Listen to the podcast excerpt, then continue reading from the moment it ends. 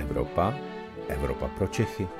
Pravidelný týdenní podcast deníku pro všechny, kteří se chtějí dozvědět něco o dění nejen v Evropské unii. Na úvod krátký přehled zpráv z Evropy. Evropská komise představila nový návrh na zastropování cen plynu. Týká se ale jen extrémních výkyvů ceny. Evropský parlament odhlasoval povinné zastoupení žen v nejvyšším vedení velkých společností. Ženy by měly tvořit téměř polovinu šéfů firm. Evropské síly se nezastavily v Chersonu a postupně obsazují i další oblasti na druhém břehu Dněpru a jsou jen několik desítek kilometrů od Ruskem okupovaného Krymu.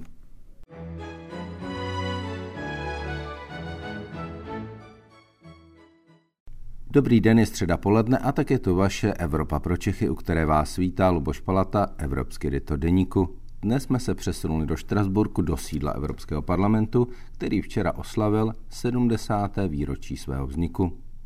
V našem zdejším studiu vítám Jiřího Pospíšila, bývalého poslance Českého parlamentu a dnes europoslance za TOP 09. Dobrý den, vítejte. Přeji všem posluchačům krásný den. Vy jste byl 8 let poslancem Českého parlamentu a teď jste 8. rok poslancem parlamentu Evropského. V čem vidíte vy zásadní rozdíl a do toho českého jste to měl asi o dost blíž než jsem? To ano. Eh, asi ten hlavní rozdíl nebude to, že do Bruselu je to dále než do Prahy, ale i do eh, Štrasburku. I do Štrasburku, přesně tak, přesně, přesně tak. Ale ten hlavní rozdíl je v tom, že Evropský parlament eh, není klasickým parlamentem. Je to zkrátka eh, těleso, které združuje přímo volné zástupce členských států Evropské unie. A byť už se více než 60 let nazývá parlamentem, na původní název to bylo pouze schromáždění zástupců národních parlamentů, tak i když se jak už jsem řekl, se nazývá Evropský parlament parlamentem, tak jsou tam určité odlišnosti od toho, jak eh, funguje klasický parlament a jakou máme o něm představu. I třeba Český parlament. Takže méně pracujete? to musí posoudit občané a voliči. Ta práce je jiná. Jo. Já třeba ve svém práci mnohem více času jako europoslanec se věnuji ježdění po České republice a přednášení na středních školách o tom, co je Evropská unie, o přednáším o geopolitické situaci Evropy a tak dále. To znamená, třeba já se věnuji a beru to jako součást své práce. Mnohem více času o světě, eh, než jsem se věnoval jako eh, řadový český poslanec. Teď třeba připravuji zájezd sta vybraných českých středoškoláků sem do Štrasburku. Právě je to spojené i s tím výročím. Jsou to studenti, kteří navštívili mé přednášky, kteří do budoucna třeba chtějí studovat evropská studia nebo právo a mají o to zájem. Ale to asi není to hlavní. Trochu jsem utekl z té vaší otázky. Ten hlavní rozdíl je, že e, Národní parlament, včetně toho českého, je svrchovaným a jediným zákonodárcem. To znamená, jsme Česká republika parlamentní republikou a ten parlament, poslanecká sněmovna a senát dohromady schvalují veškerou legislativu v zemi a mají taky v zásadě konečné slovo, pokud třeba pan prezident vetuje určitý návrh zákona. Eh, konečné slovo má poslanecká sněmovna. Ten Evropský parlament za 70 let, jak se postupně posilovaly jeho pravomoce, dneska už také má výrazný podíl na přijímání evropské legislativy, což pro posluchače jsou hlavně i třeba říci směrnice a nařízení a potom další typy právních předpisů, třeba jako rámcová rozhodnutí, ale není tím jediným a výlučným orgánem, který přijímá legislativu, kterou nenazýváme zákony. Tím druhým tělesem eh, je potom Evropská rada, kde jsou zastoupeny jednotlivé členské státy. Reálně jsou to zástupci těch jednotlivých vlád a k tomu, aby určitý právní předpis, směrnice nebo nařízení byla přijata, je třeba najít konsenzus mezi parlamentem a zástupci Evropské rady. To znamená, eh, parlament sám nemůže něco přijmout, pokud členské státy skrze své vlády s tím nesouhlasí. A to je asi ten hlavní rozdíl. Já vám budu trochu odporovat, ale v českém eh, parlamentním systému máme dvě komory parlamentu, poslaneckou sněmovnu a senát. A mně přijde, že eh, ty členské státy jsou vlastně takový trochu senát a vlastně se musí podobně jako v tom českém politickém systému i v tom evropském vlastně tyhle dvě části dohodnout. Je to tak? Tak to úplně není. Eh, byť eh, někteří eh, ústavní právníci hovoří o dvou komorovosti přijímání evropské legislativy a Evropskou radu, kde jsou zastoupeny eh, členské státy skrze své ministry, eh, nazývají jakousi druhou komorou, tak je zde určitý rozdíl. Zatímco pokud eh, v České republice dojde, řekněme, ke střetu, tomu právnímu střetu mezi pohledem poslanecké sněmovny a senátem na určitý návrh zákona, tak konečné slovo zkrátka má poslanecká sněmovna, která 101 poslanci může přehlasovat Senát a tím ten spor, v vozovkách spor, vyřešit tak na úrovni Evropy toto není možné. Zkrátka Evropský parlament ve chvíli, kdy je jiný pohled, řekněme, národních států, členských států a jejich vlád a jiný pohled parlamentu, tak na konci není možné, že by parlament přehlasoval e, zástupce vlád. Je nutný zkrátka konsenzus. Na konci se musí domluvit. Proto také někdy e, trvá delší dobu, než se evropská legislativa přijme, proto také někdy máme pocit, že ten výsledný kompromis je nedokonalý a nikomu se tak úplně nelíbí, ale tady zkrátka, a to je ten evropský princip, je nutné najít kompromis. Nikdo nemůže ten druhý orgán, eh, ten první, promiňte, ten první orgán nemůže ten druhý orgán přehlasovat.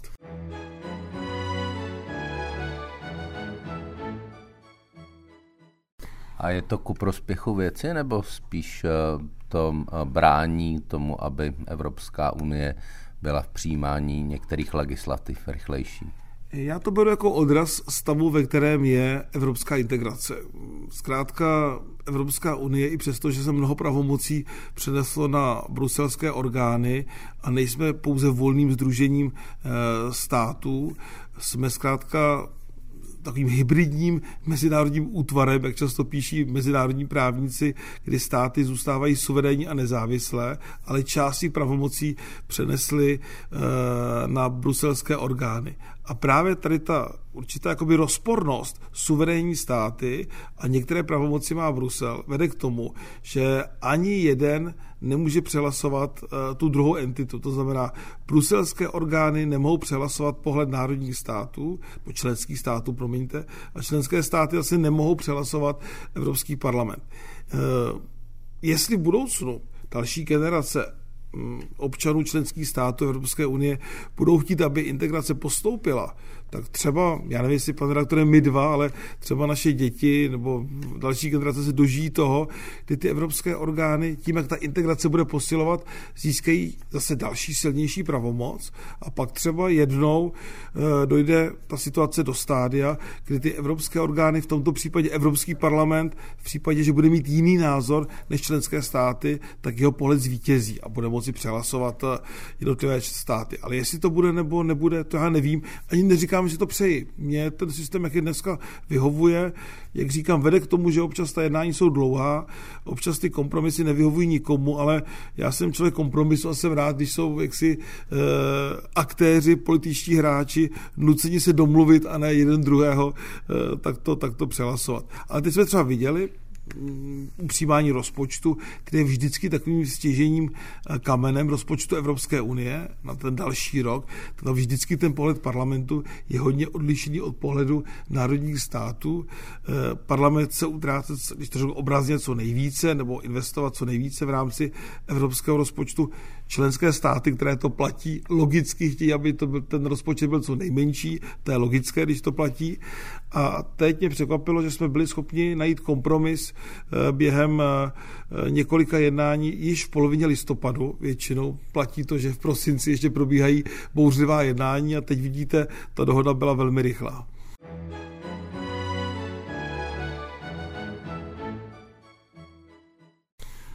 Je Evropský parlament plnohodnotným parlamentem, když nemůže měnit evropské zákony, tedy především evropská, evropské směrnice a nařízení, a tohle vám vadí a mělo by se to změnit? Toto je jedno, jedno z klíčových témat, které skloňují jak politici zde v parlamentu, tak řekněme i ústavní právníci i ta slavnostní debata, která tady včera byla k 70. letému výročí evropského parlamentarismu, tak ti jednotliví zástupci frakcí, co tu vystupovali, tak často zmiňovali právě ten problém eh, nebo tu skutečnost, že Evropský parlament sice schvaluje nebo spolu schvaluje směrnice a nařízení, ale nemůže je sám navrhovat. Jo nemá takzvanou zákonodárnou iniciativu, tomu říkají ústavní právníci.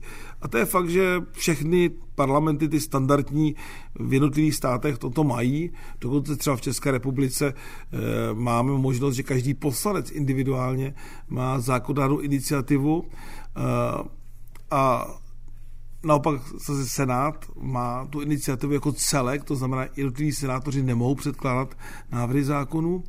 A je určitě k debatě do budoucna, jestli by Evropský parlament, zdůrazňuje ale jako celek, eh, neměl mít možnost předkládat návrhy směrnic a nařízení. Ta debata by se o tom opravdu seriózně měla vést. Na druhou stranu nejsem příznivcem některých pohledů takové té radikální levice tady, eh, která říká, každý europoslanec má mít právo sám navrhovat změnu evropských právních předpisů. Z praxe mám proti tomu praktické námitky. Když vidím, jak funguje parlament, který má více než 700 členů, jak je složité v tom, řekněme, politickém chaosu nebo řekněme babylonské věži často najít kompromis a domluvit se. Je tu více než 100 politických stran, si to představme, jo? jak je to vel, velký politický kolos. Tak kdyby každý poslanec mohl navrhovat své předpisy, pak by to podle mého názoru totálně zavalilo Evropský parlament. Kdybychom projednávali nějaké dílčí drobné politicky a mediálně atraktivní novely, ale neměli bychom čas na ty důležité věci. Takže já říkám, kompromis a rozhodnutí správné by bylo, kdyby parlament jako celek mohl v určitých případech navrhovat změny směrnic a nařízení, Dneska to probíhá tak, že parlament nemá tuto pravomoc, ale to, co dělá, že přijímá celou řadu výzev a doporučení právě k Evropské komisi, což jsou ty tisíce úředníků e, řízený e, Evropskou komisí.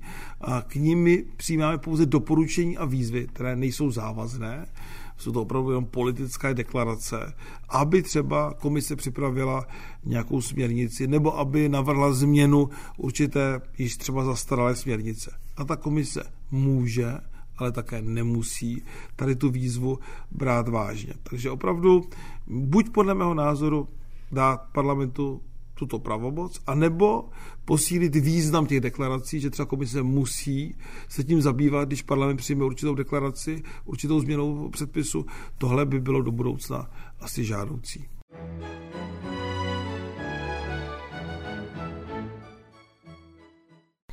Když se trochu eh, z nadhledu podíváme na Evropský parlament, dá se říct, že ten český je trochu jako Česká fotbalová liga, ten Evropský parlament taková Evropská liga mistrů? Já nevím, já bych to tak určitě neříkal. Já ani nemám rád, když někdo prezentuje, občas čtu, že ten český parlament je takový rozhádaný a tak politická kultura je tam nižší. Vlastně to tady jsou ty debaty věcnější, klidnější. Je to tak, ale eh, není to o tom, že by tady byly eh, odpovědnější Eh, poslanci, nebo že by tady byla eh, úplně jiná politická kultura. Je to dáno tím, že v tom národním parlamentu, a je to ve všech státech, zkrátka máte vládní poslance, kteří podporují vládu, ať už jsou to koaliční poslanci, anebo ať už vládne jedna politická strana. A máte opoziční poslance a mezi nimi je logický verbální střed. To není nic špatného. Podívejme se do kolébky parlamentarismu Velké Británie, jak vášnivé a bouřlivé ty debaty na půdě dolní komory eh, parlamentu jsou. To znamená, demokracii nehodnotím podle toho, jak se vede bouřlivá debata v parlamentu, ale podle toho, jak kvalitní legislativa na konci té debaty, debaty vzniká. No a tady ty střety takové nejsou. Proto to působí klidněji, protože tady nemáte klasické poslance, kteří by podporovali nějakou vládu a poslance, kteří by byli proti vládě. Tak na začátku máte, že eh, nějaká část Evropského parlamentu podpoří vznik nové Evropské komise. No a to právě říkám, říkám klasické, a to ti si vysvětlit. Je to asi taková trošku hra eh, jakoby na vládu a říkám to v dobrém, kdy tady opravdu není klasická vládní většina a menšina, která by se střetávala, ale na počátku komise, která není vládou, to je třeba říci, to je hlavní výkonný orgán Evropské unie, možná jednou to třeba se bude jmenovat vláda, a teď je to komise, získává důvěru poslanců a poslanci buď ji mohou nebo nemusí podpořit na počátku toho volebního pětiletého období. A Tedy můžeme říci, že tu jsou poslanci, kteří jsou více proevropští a podporují Evropskou komisi a pak ti, kteří jsou třeba k evropskému integračnímu procesu skeptičtější anebo velmi skeptičtí a tyto komisi nepodporují. To znamená, ten střed tady v parlamentu je více veden na úrovni pro evropského pohledu na budoucnost evropské integrace a nebo naopak skeptického pohledu na to, jaká má být budoucnost společné Evropy. A v této linii zde dochází často k emocionálním debatám, ale není to tak vypjaté, jako když máte vládu a opravdu tu vládní většinu a řekněme tu menšinu, která ji velmi tvrdě kritizuje.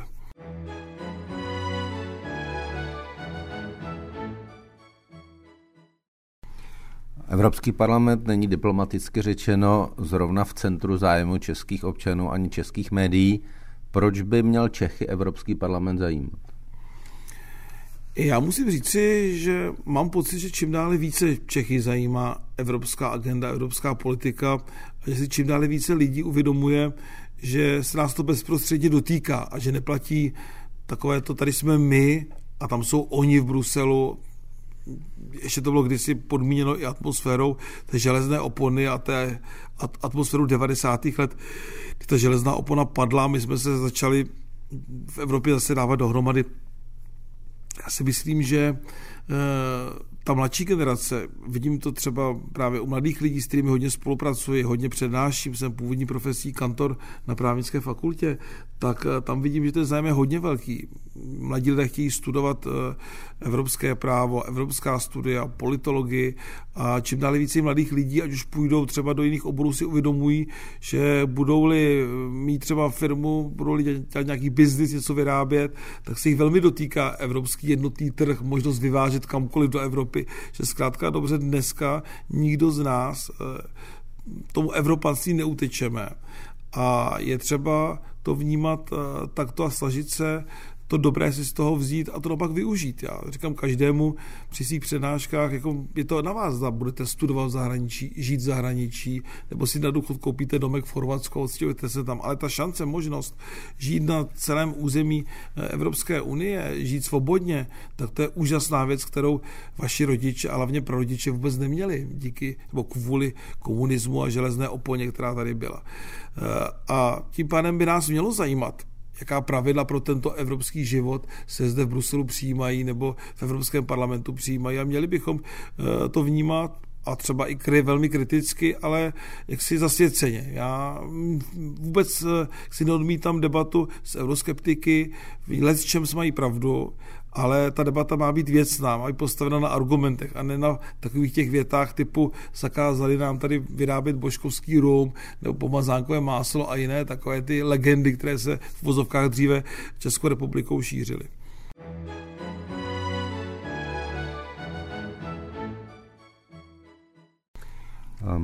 My uvnitř Evropské unie často vidíme jen chyby a nedostatky toho projektu evropské integrace. Když vyjedete za hranice Evropy, jak oni se dívají na celý projekt Evropské unie a třeba na Evropský parlament? Není žádným tajemstvím, že my Češi jsme hodně skeptičtí v rámci, řekněme, Evropské unie. Byť v poslední době, já z toho mám radost, se pohled na Evropu v České republice zlepšuje ten integrační proces má větší, větší podporu, zvláště u mladších lidí. A jsem rád, že to je na základě faktu, že to není jenom atmosféra, feeling, že tady nějaký populista tvrdí, Evropa je skvělá, nebo naopak Evropa je hrozná. Že to opravdu lidé vnímají, že pro nás je důležité být součástí této rodiny demokratických států. Určitě to posílilo uh, tuto vazbu k našim západním sousedům i to, co se děje na Ukrajině, kdy lidé vidí reálně, že ruské Eh, jaksi rozpínání neskončilo pádem železné opony a že Putin je, reálné, je reálnou hrozbou i pro střední Evropu.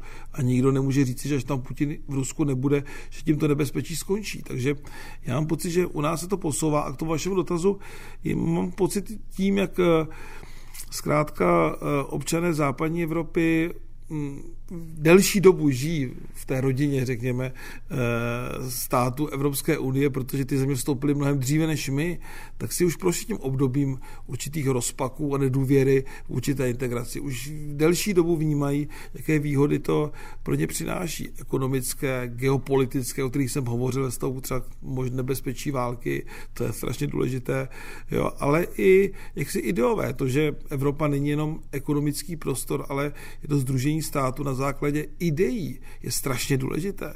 My se můžeme jako krčit rameny, že nás třeba nezajímá spor mezi eh, Evropskou unii a Polskem, nebo Evropskou unii a Maďarskem. A to je strašně důležité, protože já jako občan nejenže se chci mít dobře, nebo každý občan se, se chce mít dobře, ale já chci, abych žil v zemi, která je svobodná, demokratická, kde funguje nezávislá justice jako právní stát. A když budu mít nějakou kauzu, trestní nebo občanskoprávní, tak budu moc věřit, že ta justice, justice to rozhodne nezávisle a spravedlivě. A to jsou hodnoty, které dneska Evropa hájí. No a pokud v Polsku nebo v Maďarsku, já nevím, potlačují práva menšin nebo se snaží ovlivnit justici a Brusel proti tomu bubnuje, tak to nedělá, protože chce si podmanit Varšavu nebo Budapešť. A dělá to právě proto, že ty kroky, které tamní vlády dělají, jsou proti e, Polákům a proti Maďarům. Maďaři Poláci mají právo na nezávislou kvalitní justici. Polské e, menšiny, etnické, sexuální a tak dále, Poláci, kteří se hlásí k těmto menšinám, mají právo na ochranu svých práv a ne, aby tam byly LGBT zóny bez těchto menšin a jiné jako věci, které za, za, za, za, za, ukazují na určitou možnou šikanu. Takže je třeba si uvědomit, eh, že dneska to není jenom o ekonomické výhodnosti, ale i o ochraně našeho životního standardu, ke kterému patří naše lidská práva. To je strašně důležité.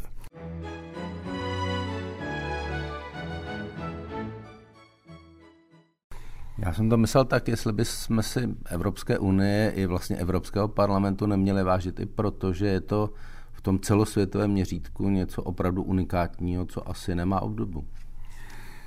Evropská integrace je unikátní. Eh, není ve světě jiná takto úspěšná integrace suverénních států, které by našly cestu, jak spolupracovat, dlouhodobě spolupracovat a zajistit si jaksi z té spolupráce výhody.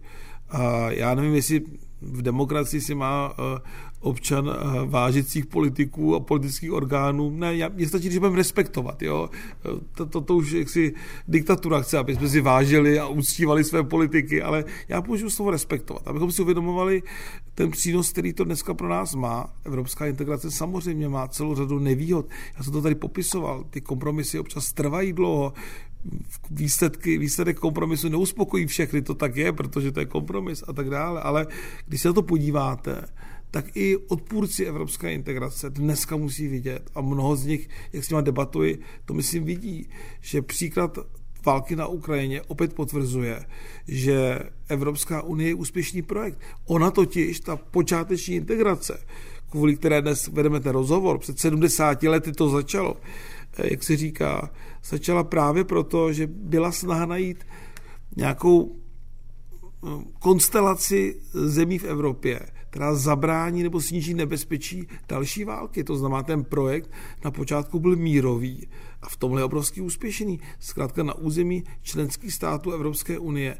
70 let nehrozí žádný válečný konflikt.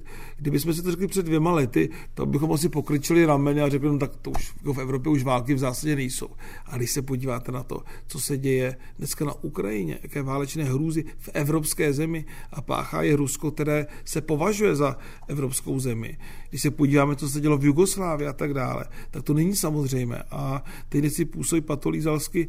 Já jsem přesvědčený, že to, že jsme našli model, jak žít v míru v přátelských vztazích se svými sousedy a ještě z toho mít ekonomické a politické výhody, tak to je jako geniální věc. By to, a to je ta jedinečnost, která se třeba jinde v Evropě, nebo pardon, jinde ve světě nepodařila. Děkuji, dostali jsme se na závěr našeho podcastu. Ještě jednou díky za účast europoslanci za TOP 09 Jiřímu Pospíšelovi, mějte se hezky a brzy na viděnou, naslyšenou. Já děkuji všem, kteří měli tu sílu a chuť to poslouchat až do konce a všem přeji krásné adventní časy. Děkuji za pozvání. Díky. To byl podcast Evropa pro Čechy. Příští díl poslouchejte opět ve středu ve 12 hodin. Naslyšenou se s vámi těší váš Luboš Palata.